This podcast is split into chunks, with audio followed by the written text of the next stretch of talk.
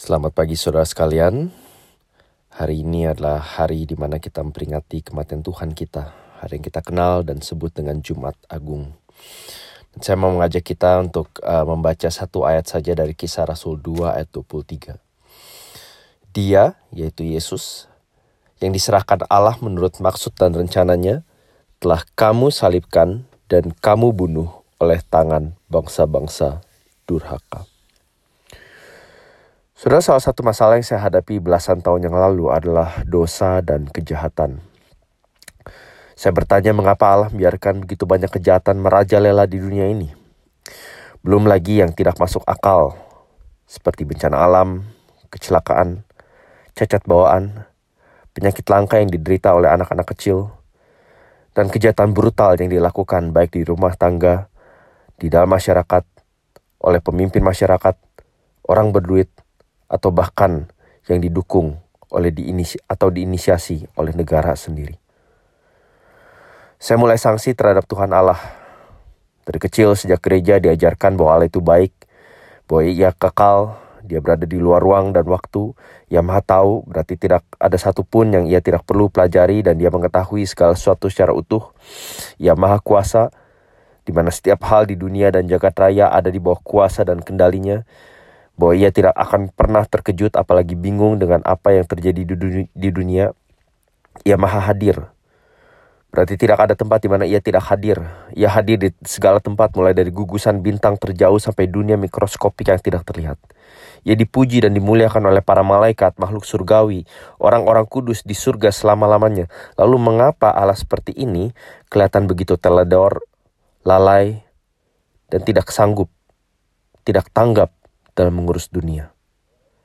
Saya berpikir, apa sulitnya untuk Allah menahan tan tanah longsor, membuat gerombolan pemerkosa mendadak kena serangan jantung, atau terlindas oleh kereta, atau membuat sistem imun si anak berperang melawan penyakit ganas bukannya semakin menurun dan tidak berespon terhadap tindakan medis apa pun. Dan yang membuat lebih frustrasi lagi adalah Alkitab sepertinya tidak memberikan jawaban spesifik atau langsung mengapa Allah membiarkan dosa dan kejahatan bagaikan virus menjangkiti setiap aspek kehidupan manusia.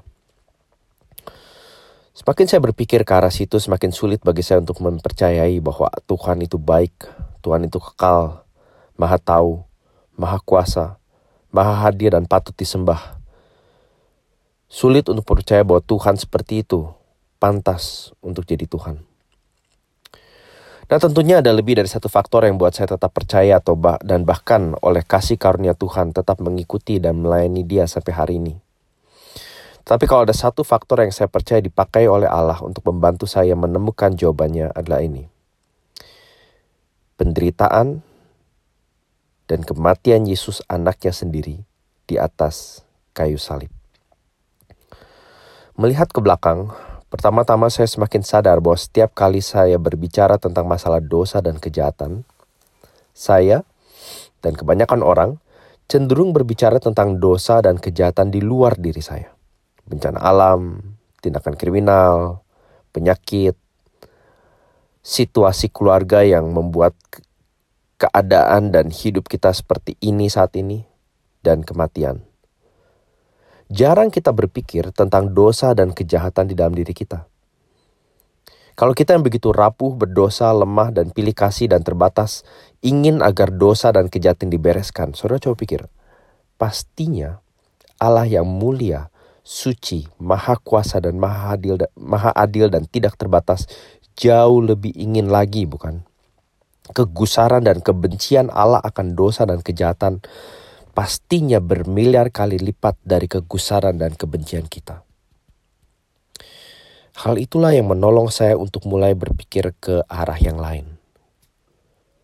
Kalau saya menuntut Allah untuk menghapuskan segala dosa dan kejahatan supaya kita manusia bisa hidup di dunia di mana semuanya baik, nyaman, aman, tentram, dan damai, berarti setidaknya Allah bukan saja harus menyelesaikan kejahatan yang terjadi di luar sana, tetapi juga yang ada di dalam sini, di dalam diriku, di dalam diri Anda.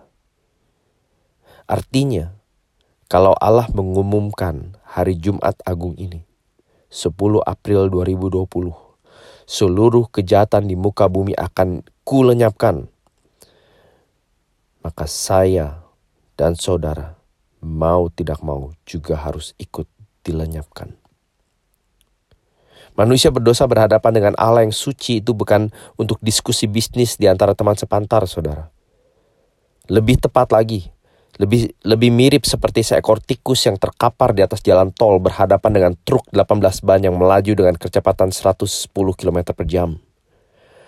Dengan kata lain, waktu kita dengan segala keberdosaan dan kejahatan di dalam diri kita berhadapan dengan Allah yang suci, nasib kita lebih persis seperti teriakan Nabi Yesaya yang berkata, Celakalah aku, aku binasa. Sebab aku ini seorang yang najis bibir dan aku tinggal di tengah-tengah bangsa yang najis bibir. Namun mataku telah melihat sang raja yakni Tuhan semesta alam. Saudara kalau Anda sudah mengikuti seri salib Kristus selama kira-kira seminggu lebih, lebih ini, saya berharap tidak ada di antara Anda yang merasa bosan. Kalau kelihatannya kok muter-muter masalahnya dosaku lagi, dosaku lagi. Manusia lagi yang berdosa, manusia yang bersalah. Saudara kalau saudara merasa seperti itu, saya mau mengucapkan selamat datang ke dunia, ke realitas menu, menurut kacamata Allah. Ada penulis yang mengatakan bahwa sejak manusia jatuh ke dalam dosa di kitab kejadian pasal 3, maka sisa sejarah manusia hanyalah catatan kaki belaka. Kerajaan demi kerajaan berlalu, kemajuan teknologi datang silih berganti, tren musik dan baju datang dan pergi, tetapi tidak satu pun berhasil menyelesaikan secara tuntas masalah dosa dan kejahatan. Sampai saatnya di mana Allah mengutus anaknya sendiri Yesus Kristus menjalani penderitaan dan hukuman salib. Saudara kehadiran Yesus di dalam sejarah adalah bukti paling jelas bahwa Allah itu ada tetapi juga peduli dengan masalah dosa dan kejahatan. Dan bukan itu saja saudara, ia juga peduli dengan saudara dan saya yang semuanya terjangkit virus dosa dan kejahatan ini. Ia tidak mau kita binasa, bukan karena kita baik, atau bukan karena kita berpotensi untuk berjasa bagi masyarakat dan gereja, tidak. Ia tidak mau kita binasa karena dia baik dan dia mau kita kembali hidup baginya dan bukan bagi diri kita sendiri.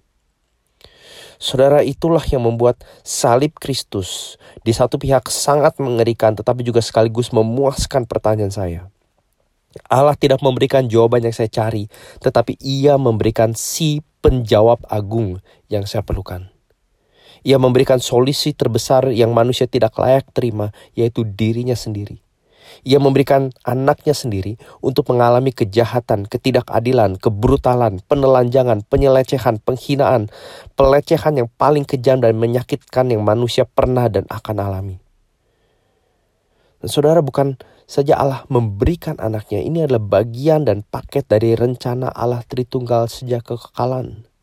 Di bacaan kita hari ini perhatikan, dikatakan Yesus yang diserahkan Allah menurut maksud dan rencananya.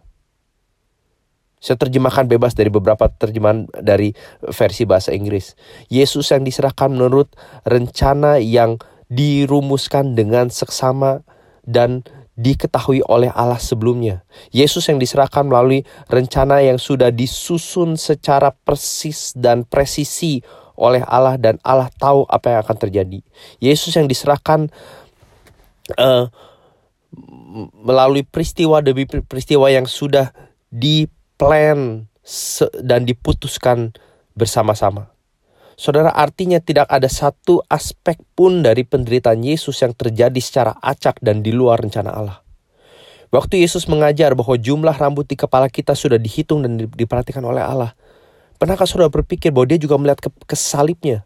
Bahwa setiap cambukan yang merobek pinggangnya, setiap seberapa banyak jumlah duri yang menekan kepalanya, berapa milimeter jumlah ludah yang ia terima, kalau ludah itu ditimbang semuanya, berapa memar dan luka yang menghiasi wajahnya, seberapa dalam dan di titik di mana persisnya paku-paku menembus tangan dan kakinya, seberapa kencang tombak menembus lambungnya, seberapa sinis dan kurang ajar ejekan orang-orang yang menghinanya dan berapa jumlah langkah para murid, langkah kaki para muridnya yang menjauh dan meninggalkan dia sampai hitungan terkecil dan terdetail semuanya sudah direncanakan, disetujui dan diputuskan dan semuanya dijalankan dengan rela hati dan sepenuhnya oleh Yesus. Di salib Yesus kita melihat ekspresi tindakan dosa dan kejahatan terbesar manusia. Saya menyadari waktu saya merasa frustasi dan merasa Tuhan tidak becus. Saya sebetulnya sedang mengatakan mendingan gue aja yang jadi Tuhan. Mendingan saya yang mengambil tempat Tuhan. Sudah keajaiban dari iman Kristen adalah justru Tuhanlah yang mengambil tempat kita. Saya mengatakan yang di berikut ini dengan tidak bermaksud mengecilkan atau menganggap sepele penderitaan dan air mata yang Anda pernah dan sedang alami saat ini. Tetapi saudara perlu ingat bahwa tidak ada penderitaan yang lebih besar, yang lebih mulia, dan tidak ada keadilan yang lebih tidak adil daripada apa yang dialami Yesus di atas salib. Di atas salib, pribadi yang paling suci dan paling benar diperlakukan dengan cara yang paling najis dan paling jahat. Nah, saudara, mengapa Allah melakukan itu? Mengapa Allah membiarkan anaknya disalibkan bagi saudara dan saya? Karena itulah satu-satunya cara Anda dan saya keluar dari masalah dosa dan kejahatan. Dosa dan kejahatan kitalah yang ditanggungkan kepada Yesus. Di atas salib dosa dan kejahatan manusia dihukum dan dibantai habis oleh murka Allah yang ia tumpahkan sepenuhnya kepada anaknya sendiri. Si penjawab agung, Yesus Kristus, adalah respon terbaik Allah atas masalah dosa dan kejahatan. Di dalam Yesus Allah mendekat kepada kita dan menawarkan ganti dosa dan kejahatan ia menawarkan dirinya yang suci dan penuh kebaikan. Itu sebabnya kita memperingati hari ini sebagai Jumat Agung. Di mana ini adalah hari terburuk di sepanjang sejarah. Melalui ketidakadilan manusia yang paling beringas, Allah malah menunjukkan keadilannya yang paling mulia yang menyalibkan pribadi teragung sepanjang sejarah sehingga hidup manusia tidak lagi bergelimang di catatan kaki yang penuh dampak dosa dan kejahatan, tetapi manusia bisa menjadi bagian dari lembaran baru, dari hidup baru, dari hid dan hidup yang benar-benar agung. Mari kita berdoa. Kami hanya dapat mengatakan syukur, terima kasih gentar dan perasaan sama sekali tidak layak dan pantas menerima kebaikanmu yang terkecil apalagi engkau memberikan dirimu sendiri dalam Yesus. Bila hari Jumat Agung ini kami tidak lagi menjadi orang Kristen yang banyak protes, bicara, yang merasa kami lebih pintar dan bijaksana dari Tuhan. Bila kami berhenti menjadi orang yang merasa frustrasi, sok ditekan merasa kami begitu pentingnya sehingga ketidakadilan dan perlakuan atau bahkan kritikan orang lain kami anggap sebagai sesuatu yang menghajar dan melukai kami. Bila kami boleh kembali melihat pada salib dan melihat penyakit, dosa, pemberontakan kitalah yang ditempatkan di sana, di atas bahu dan diri Yesus. Dan di bawah kaki salibnya kami semua Tuhan berdiri sama rata. Tidak satu lebih, tidak satu kurang. Kiranya ini membuat kami kembali kagum, gentar, dan melihat keagunganmu yang melampaui segala sesuatu. Demi Kristus Tuhan, si penjawab agung, yang pengorbanan, kematian,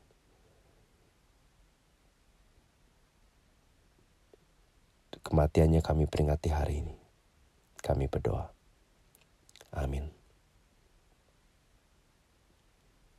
Sudah selamat menghadiri ibadah Jumat Agung di mana pun Anda berada.